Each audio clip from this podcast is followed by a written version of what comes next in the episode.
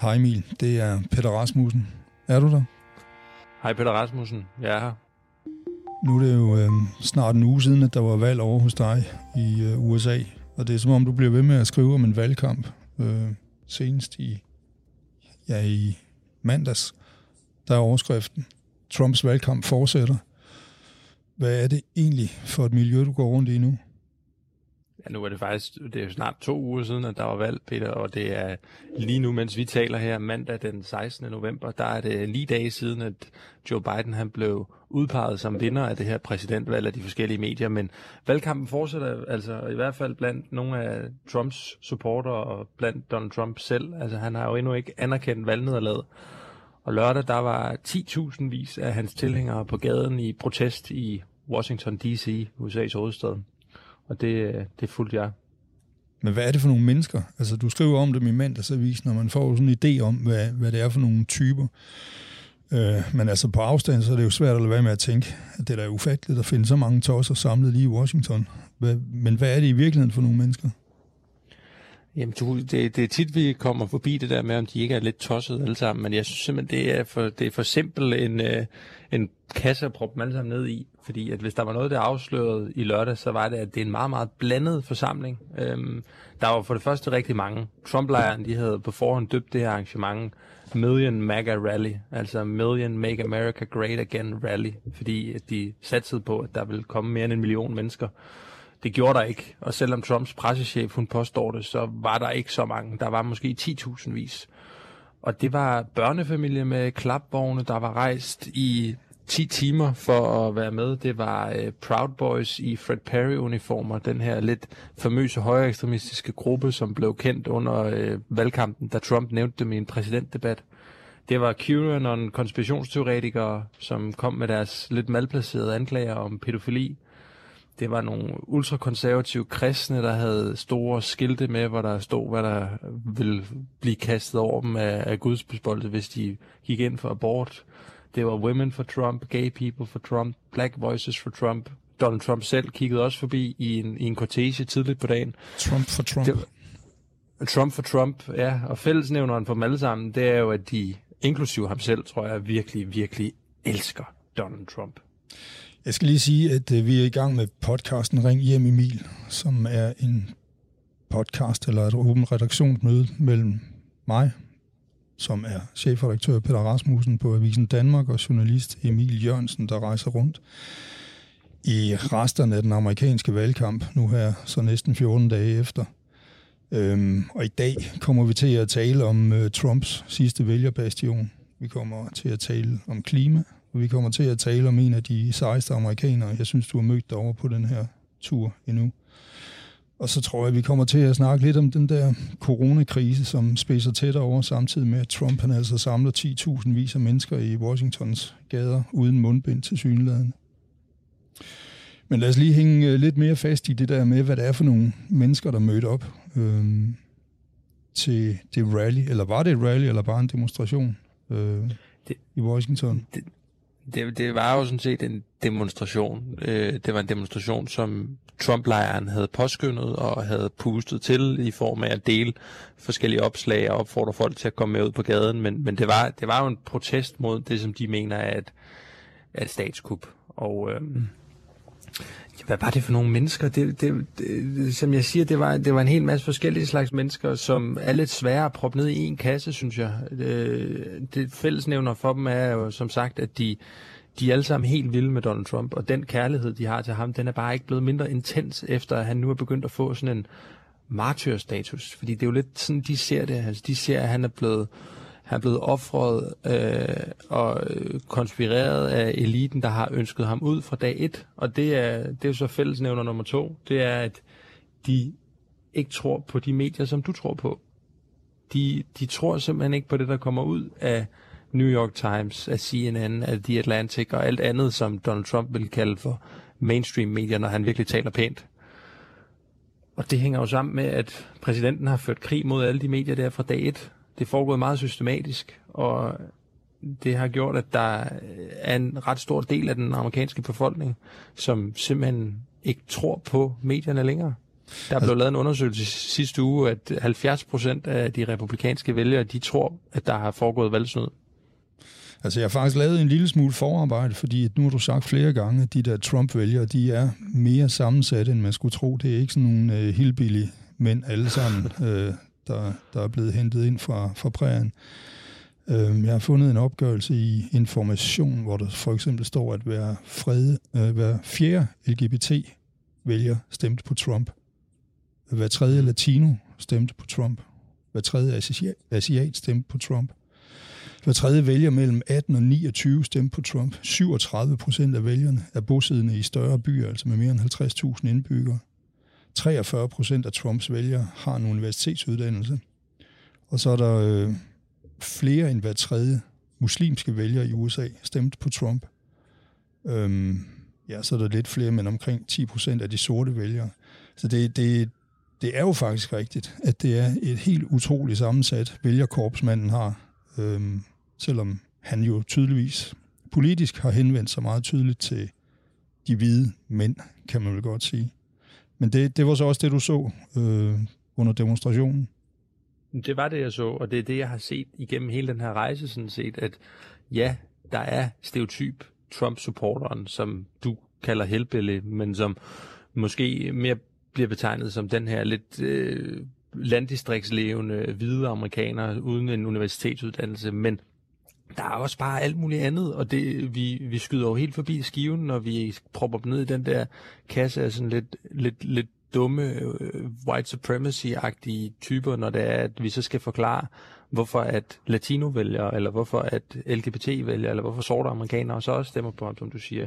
Jeg snakkede jo faktisk med, som også fremgår af mandagsavisen, jeg snakkede jo faktisk med en 67-årig åben homoseksuel fra Los Angeles, som fortalte, at han var, han var demokrat, han var liberal demokrat, før Donald Trump kom til, men den der flokmentalitet, som han følte opstod imod Donald Trump, den bekymrede ham simpelthen. Altså alt det her med, at alt, hvad der var mainstream, medier, institutioner, kendte, levebrødspolitikerne, de skulle lige pludselig fortælle os, hvem vi skulle stemme på, sagde han. Og som homoseksuel, der følte han, at han var sensitiv overfor, når normerne, de ligesom prøvede at diktere hans adfærd.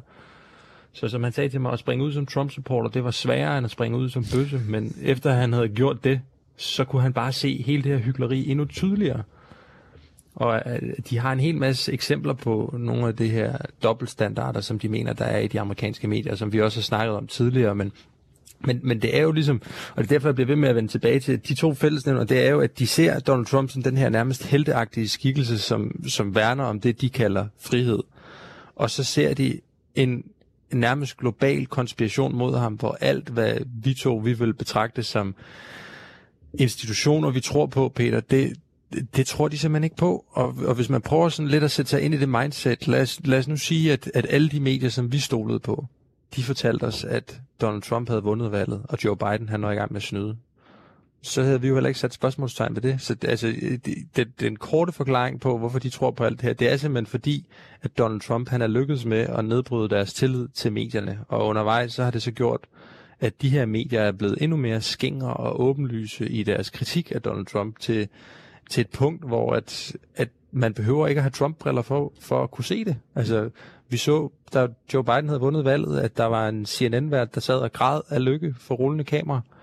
Vi har set New York Times lave ledere, hvor de siger, at Donald Trump er den største trussel mod det amerikanske samfund siden 2. verdenskrig. Alle de her ting, det ser Trump-supporterne jo, ligesom at de også ser, at mainstream-medierne, som de kalder dem, har kørt skræmmekampagne og shaming af alle de her vælgermøder, som Trump han har holdt i månedsvis på grund af corona, hvor de simpelthen har udskammet folk for at mødes i store flokke, men da champagnepropperne så sprang, og folk de dansede på skuldrene af hinanden i New York, efter Biden havde vundet, så var der lige pludselig ikke sådan en dommedagsagtig baggrundsmusik, mens de rapporterede om det, nogle af de her medier. Og det er jo det, er jo det der sådan bare underbygger den, den følelse af, af konspiration, som, som mange af de her mennesker har. Ja, man kan jo få fornemmelsen af, at det slet ikke handler om Trump mere, at det bare handler om den der følelse af, at mainstream-medierne er fulde af løgn, og, og der, i den reportage, du har i, i mandagsavisen, der står der en kvinde med en plakat på det store bærende billede, hvor der står, too many are awake, for mange er blevet vågne. Altså det er som om, at det er sådan en ny det er en ny øh, sindstilstand, de er gået ind i, hvor man pludselig kan se det hele fuldstændig klart, øh, i modsætning til den gamle dyne af levebrødspolitikere, der har defineret verden omkring en. At, Ja. Hende, hende, hende kvinden, der står med skiltet der, Too Many Are Awake, mm. hun er også en af dem, der abonnerer på konspirationsteorien QAnon. Jeg talte med hende, og lige det der optrin der, det var sådan, altså nu, nu kommer jeg selv til at bruge et ord, som jeg ellers svæver mod at bruge om de her mennesker, fordi jeg synes, vi ender med at forsimple det for meget, men det var lige den scene der, var rent tosseshow. Det var som om, at jeg lige pludselig mødte alle de mest ekstreme kilder, jeg har mødt på hele den her rejse på én gang. Der stod QAnon-teoretikerne øh, og fortalte om pædofili. Så var der nogle enkelte moddemonstranter fra Antifa og Black Lives Matter, der stod og råbte et eller andet. Så kom der lige pludselig også nogle kinesiske antikommunister, som stod og råbte til de her Antifa-folk, at de ikke ville have sådan en stor mave, hvis de havde boet i et kommunistisk land. Og imens så stod der en og spillede på guitar om bagved og øh, sang en sang om, at alle medierne var fake news. Og det var, det var sådan, det var et mikrokosmos af, af alle de spændinger, der er i det amerikanske samfund lige nu. Og måske også, hvis vi skal have lidt selvreflektion, Peter, måske også nogle af de spændinger, som vi har været for meget fokuseret på, for meget tunet ind på. Det, det er jeg selv begyndt at tænke over, men, men, men der er helt klart en gruppe mennesker i USA, som virker meget, meget svære at nå. Fordi, hvordan skal vi nogensinde overbevise dem om, at Donald Trump har tabt valget, hvis de ikke stoler på noget af det, som nogle af medierne eller nogle af institutionerne siger? Og øh, der har du ret i, der virker det mindre som om, det handler om Donald Trump, og mere bare som om, det handler om, at de har set et eller andet lys, vi andre ikke kan se. Men altså blandt alle de her tosser, og det, det sådan lyder det i hvert fald, når du, når du fortæller om dem, der finder du så også en, en tidligere svensker, som er vokset i hvert fald op øh, i 20 år i et godt, almindeligt, genkendeligt demokrati, og så flytter hun til USA, og alligevel springer på den her Trump-bølge. Altså, man skulle tro, at... Ja, helt ærligt, man skulle tro, hun var klogere, ikke? Ja, du snakker om Matilda Davis, som mm. kommer fra, ja, fra Sundstrøm i Sverige, og nu bor i North Carolina sammen med sin mand. Øhm, men men det, handler, det handler jo, altså det handler igen om, om politik det her. Altså det handler om, at Donald Trump han kæmper for de ting, som hun synes er vigtige. Altså det er kristne værdier, det er abortmodstand, det er Israel, det er kapitalisme. Hun har sådan lidt fået berøringsangst over for den socialisme, som hun mener eksisterer i hans hjem, hjemland Sverige, og den politiske korrekthed, som der eksisterer på den anden side af Øresund. Og netop det her med den politiske korrekthed er jo også en kæmpe del af forklaringen på Donald Trumps appelværdi. Det er simpelthen, at han er den her fuckfinger til alt, hvad de mener er blevet kvælende for deres liv de tænder for fjernsynet, og så ser de, at der står en eller anden universitetsprofessor og forklarer dem, at alle hvide mennesker burde have dårlig samvittighed over et eller andet, der er sket for mange hundrede år siden. Og de føler ikke, at de tager del i den strukturelle racisme, som de får påduttet. Så tænder de for en anden kanal og ser, at der står nogle, nogle demonstranter i New York og råber op om, at politiet de skal defundes, altså der skal tages penge fra politiet. Og der bliver fjernet streamingprogrammer fra Netflix, fordi at der er konfrontationsslag, og der, der, der er en hel masse ting for dem, der håber sig op til, at det bliver en, en både en politisk kamp, men også i høj grad en, en kulturkamp. Og der har Donald Trump virkelig bare været afsindig dygtig til at læse de her indignationer i befolkningen. Men altså, vi er enige om, at de mener, det er alvorligt, ikke også? Fordi altså, nogle gange så opstår der jo sådan nogle kultagtige fænomener, øh, hvor det ligesom er sjovt at lege med på, at Master Fatman er fantastisk, eller Jakob Havgaard skal ind i Folketinget, eller Paul Køller var øh, musik- eller rockstjerne, i hvert fald i en periode. Ligesom man så også kan lege, at øh, Donald Trump er en politiker, som man skal tage alvorligt. Men det lyder som om, de altså tager ham alvorligt. De tager ham alvorligt, men Peter, helt ærligt, jeg synes også, vi burde tage ham alvorligt. Jeg synes, vi skal passe lidt på med, fordi at vi alle sammen er så store modstandere af ham, og det behøver vi ikke at sidde her og lægge ud, hvorfor at vi er det, fordi det er der gode grunde til. Det handler om klima, det handler om hans nedbrydning af institutioner, autoritisme osv. osv. Men Donald Trump har jo også på nogle måder været en effektiv præsident. Altså han har jo gjort nogle ting for sin kernevælger. Han har jo fået lavet, foretaget nogle skattenedsættelser. Han har jo fået lavet nogle udenrigspolitiske ting, specielt i Mellemøsten, som mange af dem er glade for. Han har jo fået ændret forholdet til Kina. Han har fået øh, fortsat det fracking-eventyr, olieboringer, som, som har gjort, at der er nogen, der tjener rigtig mange penge på det i USA. Så altså, hans, hans vælger vil sige, at han har fået udnævnt en, en hel del højesteretsdommer også. Så jeg tror slet ikke, at hans venner, øh, vælgere og venner, for den sags skyld, de vil anerkende den præmis, at Donald Trump ikke kan tage seriøst som politiker. De tager ham meget seriøst. Men, men, men den del kan man jo også godt, altså så længe man snakker politik, så kan man jo godt tage, tage det alvorligt, men man kan jo umuligt tage alvorligt, at, at, øh, at stemmeoptællingen er, er, er rigged, eller, eller at øh, der skulle være pædofilcentraler under pizzerier rundt omkring, øh, som Hillary Clinton har etableret. Altså der er, der er jo et kæmpe spring fra at gå ind for, at, at, at man er ligeglad med klimaet. Det, det er jo sådan set en færre holdning, som man bare kan have, og som man så kan stemme på nogen, der, der støtter. Men alt det andet, det virker jo fuldstændig grotesk. Nu er det jo heller ikke alle, der abonnerer på alt det andet. Det er jo ikke alle republikanere, der tror på, at Hillary Clinton hun kører en pædofiliring af sexforbrydere, der tilbeder djævlen ned under forskellige pizzerier i Washington. Men det, altså, jeg vender igen tilbage til det her med medierne. Altså, du, du, du skal prøve at sætte dig ind i, at når en Trump-supporter åbner sin Twitter eller sin Facebook, så ser han eller hun måske 50 videoer, der bekræfter både han eller hendes fordomme og han eller hendes mistænksomhed. Der er videoer af stemmesedler, der bliver brændt. Der er videoer af valgobservatører, der sidder og siger fuck Trump, mens de smider stemmesedler ud. Der er forskellige statistikker, der viser, at der lige pludselig blev registreret mange 100.000 stemmer på en gang, der alle sammen gik til Joe Biden. Og så er der videoer, fra Washington her i weekenden af Antifa og Black Lives Matter folk, som angriber børnefamilier og fredelige demonstranter. Og der er jeg bare nødt til at sige, jeg var her her i weekenden, og hvor drøn ærgerligt det, det end er, så må, så må jeg bare sige, Antifa og Black Lives Matter, de leverede materialet til de næste mange skræmmekampagner fra, fra Donald Trump-lejren. Der var nogle enkelte moddemonstranter, som var ude på ballade, og som for højlys dag for åben gade simpelthen chikaneret nogle af de Trump-supportere, der gik her i byen med deres familier og med deres udklædning. Og, og det, det ligger der en masse videoer af på, på nettet nu, og det er noget, som præsidenten også allerede har ramt lige i røven med forskellige tweets, hvor han trådte mod det her. Og, og der må man også bare sige, de fordomme, som alle de her Trump-supportere har om, at hele, hele parnasset er imod dem, og at de bliver angrebet af voldelige venstrefløjsekstremister, dem får de jo så bare bekræftet, når de ser sådan noget som det her mm. ske i weekenden. Nå, men altså, om to måneder, så må vi jo gå ud fra, at Donald Trump han er ude af det hvide hus, og Biden han sidder bag skrivebordet. Helt vi... sikkert, det, det, det tror jeg også, og jeg tror faktisk, jeg tror faktisk slet ikke, at Donald Trump, han, altså nu skal vi aldrig sige aldrig med den mand her, det har vi lært, men jeg tror ikke, at han tror på, at de kan vende det her resultat. Jeg tror, det er noget andet, der foregår lige nu. Jeg tror, det handler om... Øh, jeg tror, det handler om, om ikke valgkampen i 2020, men om valgkampen i 2024.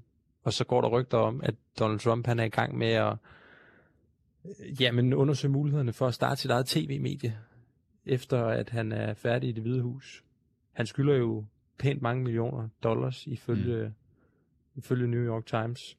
Og vi ser allerede nu også, at han går og jamen, simpelthen øh, beder om donationer fra mange af de her folk.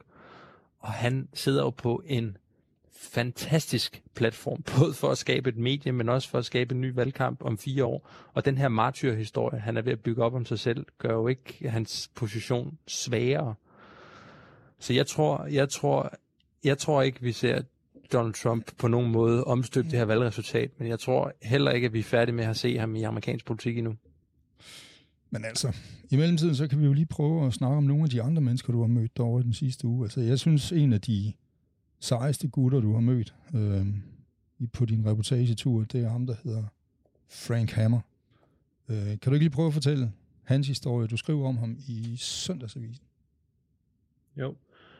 Frank Hammer, han er en gammel hippie, en gammel marxist, som i 1960'erne var en del af studenteroprøret på Berkeley University i Kalifornien. Og øh, han uddannede sig som sociolog og som arkitekt, og var egentlig på vej ud i det etablerede liv, men ham og hans kone, de kiggede hinanden i øjnene, og så blev de enige om, at hvis de skulle stå ved deres idealisme, øh, og det de troede på, nemlig at oprøret skulle komme ned fra arbejderklassen af, opgøret skulle komme ned fra, de troede på en revolution, så var de nødt til at integrere sig i arbejderklassesamfundet.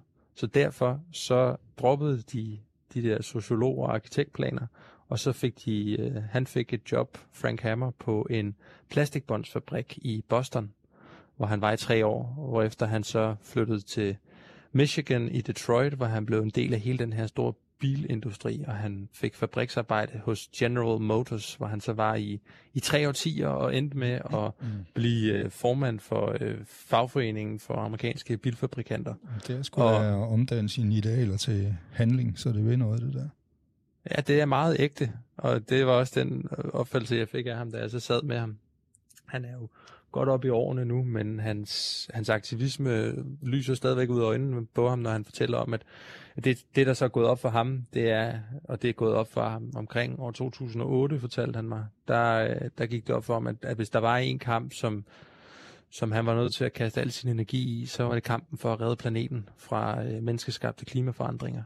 Så siden 2008, der har han, der har han gjort alt, hvad han kunne for at advokere for, at at Detroits motorindustri, øh, som jo er meget, meget kendt på grund af General Motors og Ford og Chrysler, de alle sammen hører hjemme i Detroit, men hvor vi også har set, at bilindustrien i vid udstrækning har forladt byen på grund af automatiseringer, på grund af globalisering og på grund af, mener Frank Hammer i hvert fald, neoliberalistiske dagsordner det gjorde, at øh, Detroit faktisk gik konkurs i 2013, og, og nu står vi tilbage med, med, en, med en ret blødende industri, og en del af forklaringen på faktisk også, at Donald Trump han kom til magten, er jo de her rustbæltesteder, hvor at arbejdspladserne simpelthen bare er forsvundet. Og der ser Frank Hammer en mulighed i, at man omdanner hele den industri til jamen, simpelthen en fabrik for, for grøn energi, at man går ind og siger, nu går vi 100% ind i at producere elektriske biler og anden grøn infrastruktur, og så bliver vi hovedstaden for den grønne omstilling i, i USA. Og det er jo faktisk ikke, ikke helt så radikalt, men, men det er lidt nogle af de tanker, som Joe Biden også gør sig, og som han i hvert fald udadtil har kommunikeret, at han, han, han vil forsøge på. Han, han har jo en, en plan om, at han vil investere to 2.000 milliarder dollars i, øh, eller var det 2 milliarder dollars? Nu bliver jeg helt i tvivl. Peter, hvad skal 2.000 milliarder. Ja, 2.000 milliarder dollars ja. i en corona og øh, en corona hjælpepakke. Simpelthen fordi landet er jo ved at gå økonomisk øh, fra rotterne lige nu. Det er klima, vi snakker om. Ja, men, men de to ting hænger sammen. Okay. Han, han ser, at man sparker økonomien i gang ved simpelthen at investere massivt i den grønne omstilling. Mm. Så alle de folk, der har mistet jobs, alle de folk, som, som lider under covid-19, de, i stedet for at give dem øh, madkuponer og, og anden bistand, så skal de mobiliseres i, i, i en grøn omstilling. Og det, øh, det afhænger, om han kan det, det afhænger selvfølgelig af, om de ender med at få et flertal i senatet, om de vinder de der to senatorpladser i Georgia, men, men selv hvis de ikke gør, så er der altså ret meget pres på i USA lige nu, for at der er nødt til at ske et eller andet. Så, Man kan jo godt sige, så, at, at, at klimadagsordenen ikke har fyldt specielt meget i, i valgkampen, men den fylder jo til synligheden en hel del i sådan den almindelige diskussion blandt amerikanerne. Der er i hvert fald mange sådan konkrete eksempler på, at, at klimaet øh, begynder at svare tilbage, for eksempel med de store brænde i Kalifornien og sådan noget. Ikke?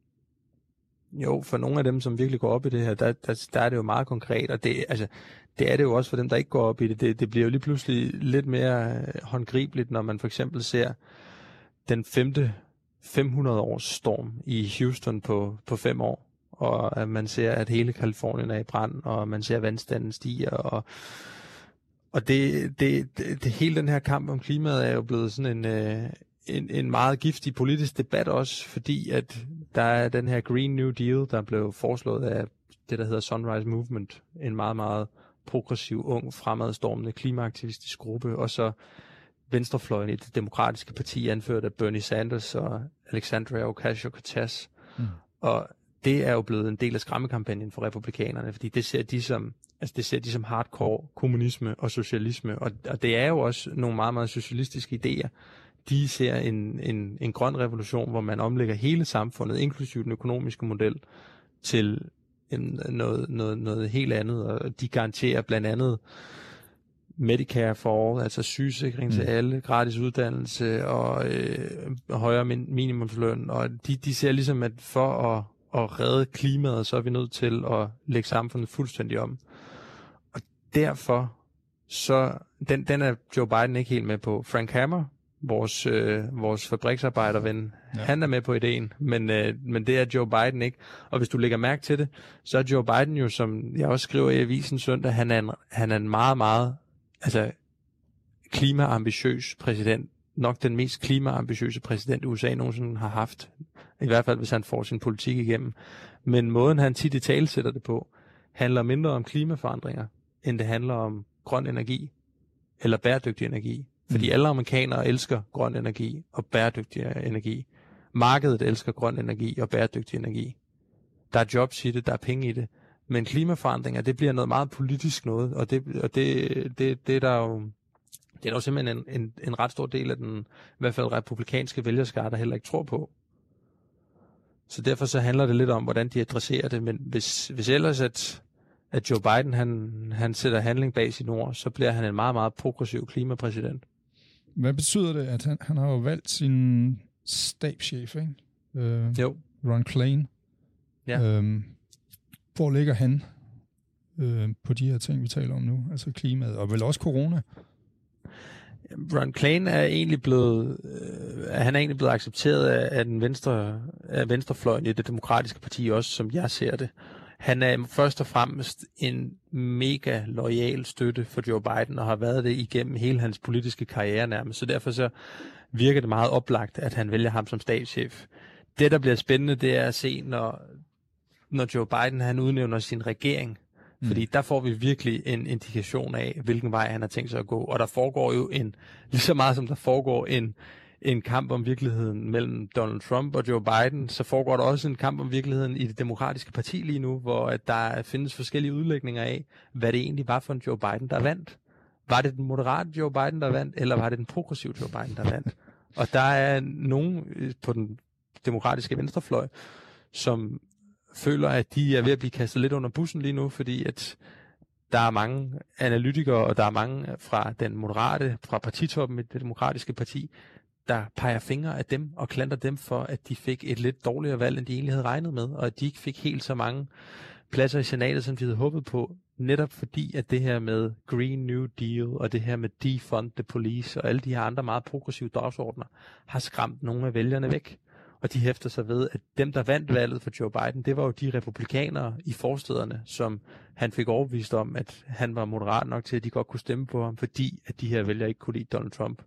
Modsat så hæfter Bernie Sanders-lejren sig så ved, at alle de senatorer, som, som, eller alle de demokrater, der har været ude og støtte Green New Deal, som har været ude og øh, gå ind for sygesikring til universel sygesikring, de er faktisk blevet stemt ind.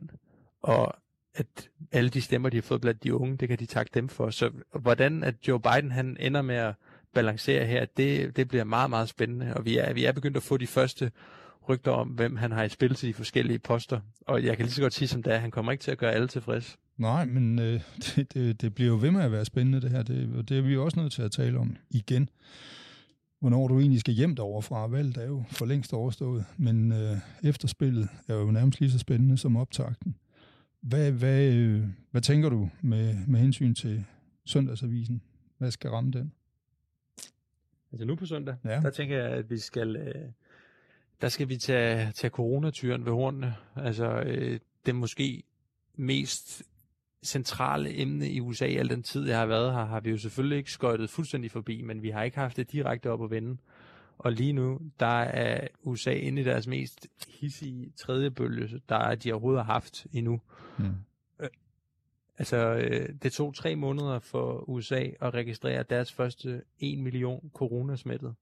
I den forgangne uge, Peter, der blev 1 million amerikanere testet positive. Okay. Og det samlede antal smittede er nu over 11 millioner. Der er en kvart million amerikanere, der er døde. Og de er begyndt at øh, lukke ja, store dele af landet ned igen. Flere stater er begyndt at ja, lukke ned for, at man må samles, og at restauranter må have folk indenfor. Og det hele kulminerer jo med, at der er Thanksgiving her på torsdag 8 dag i, øh, i USA. Ja. Hvor folk ikke kan mødes, eller hvordan?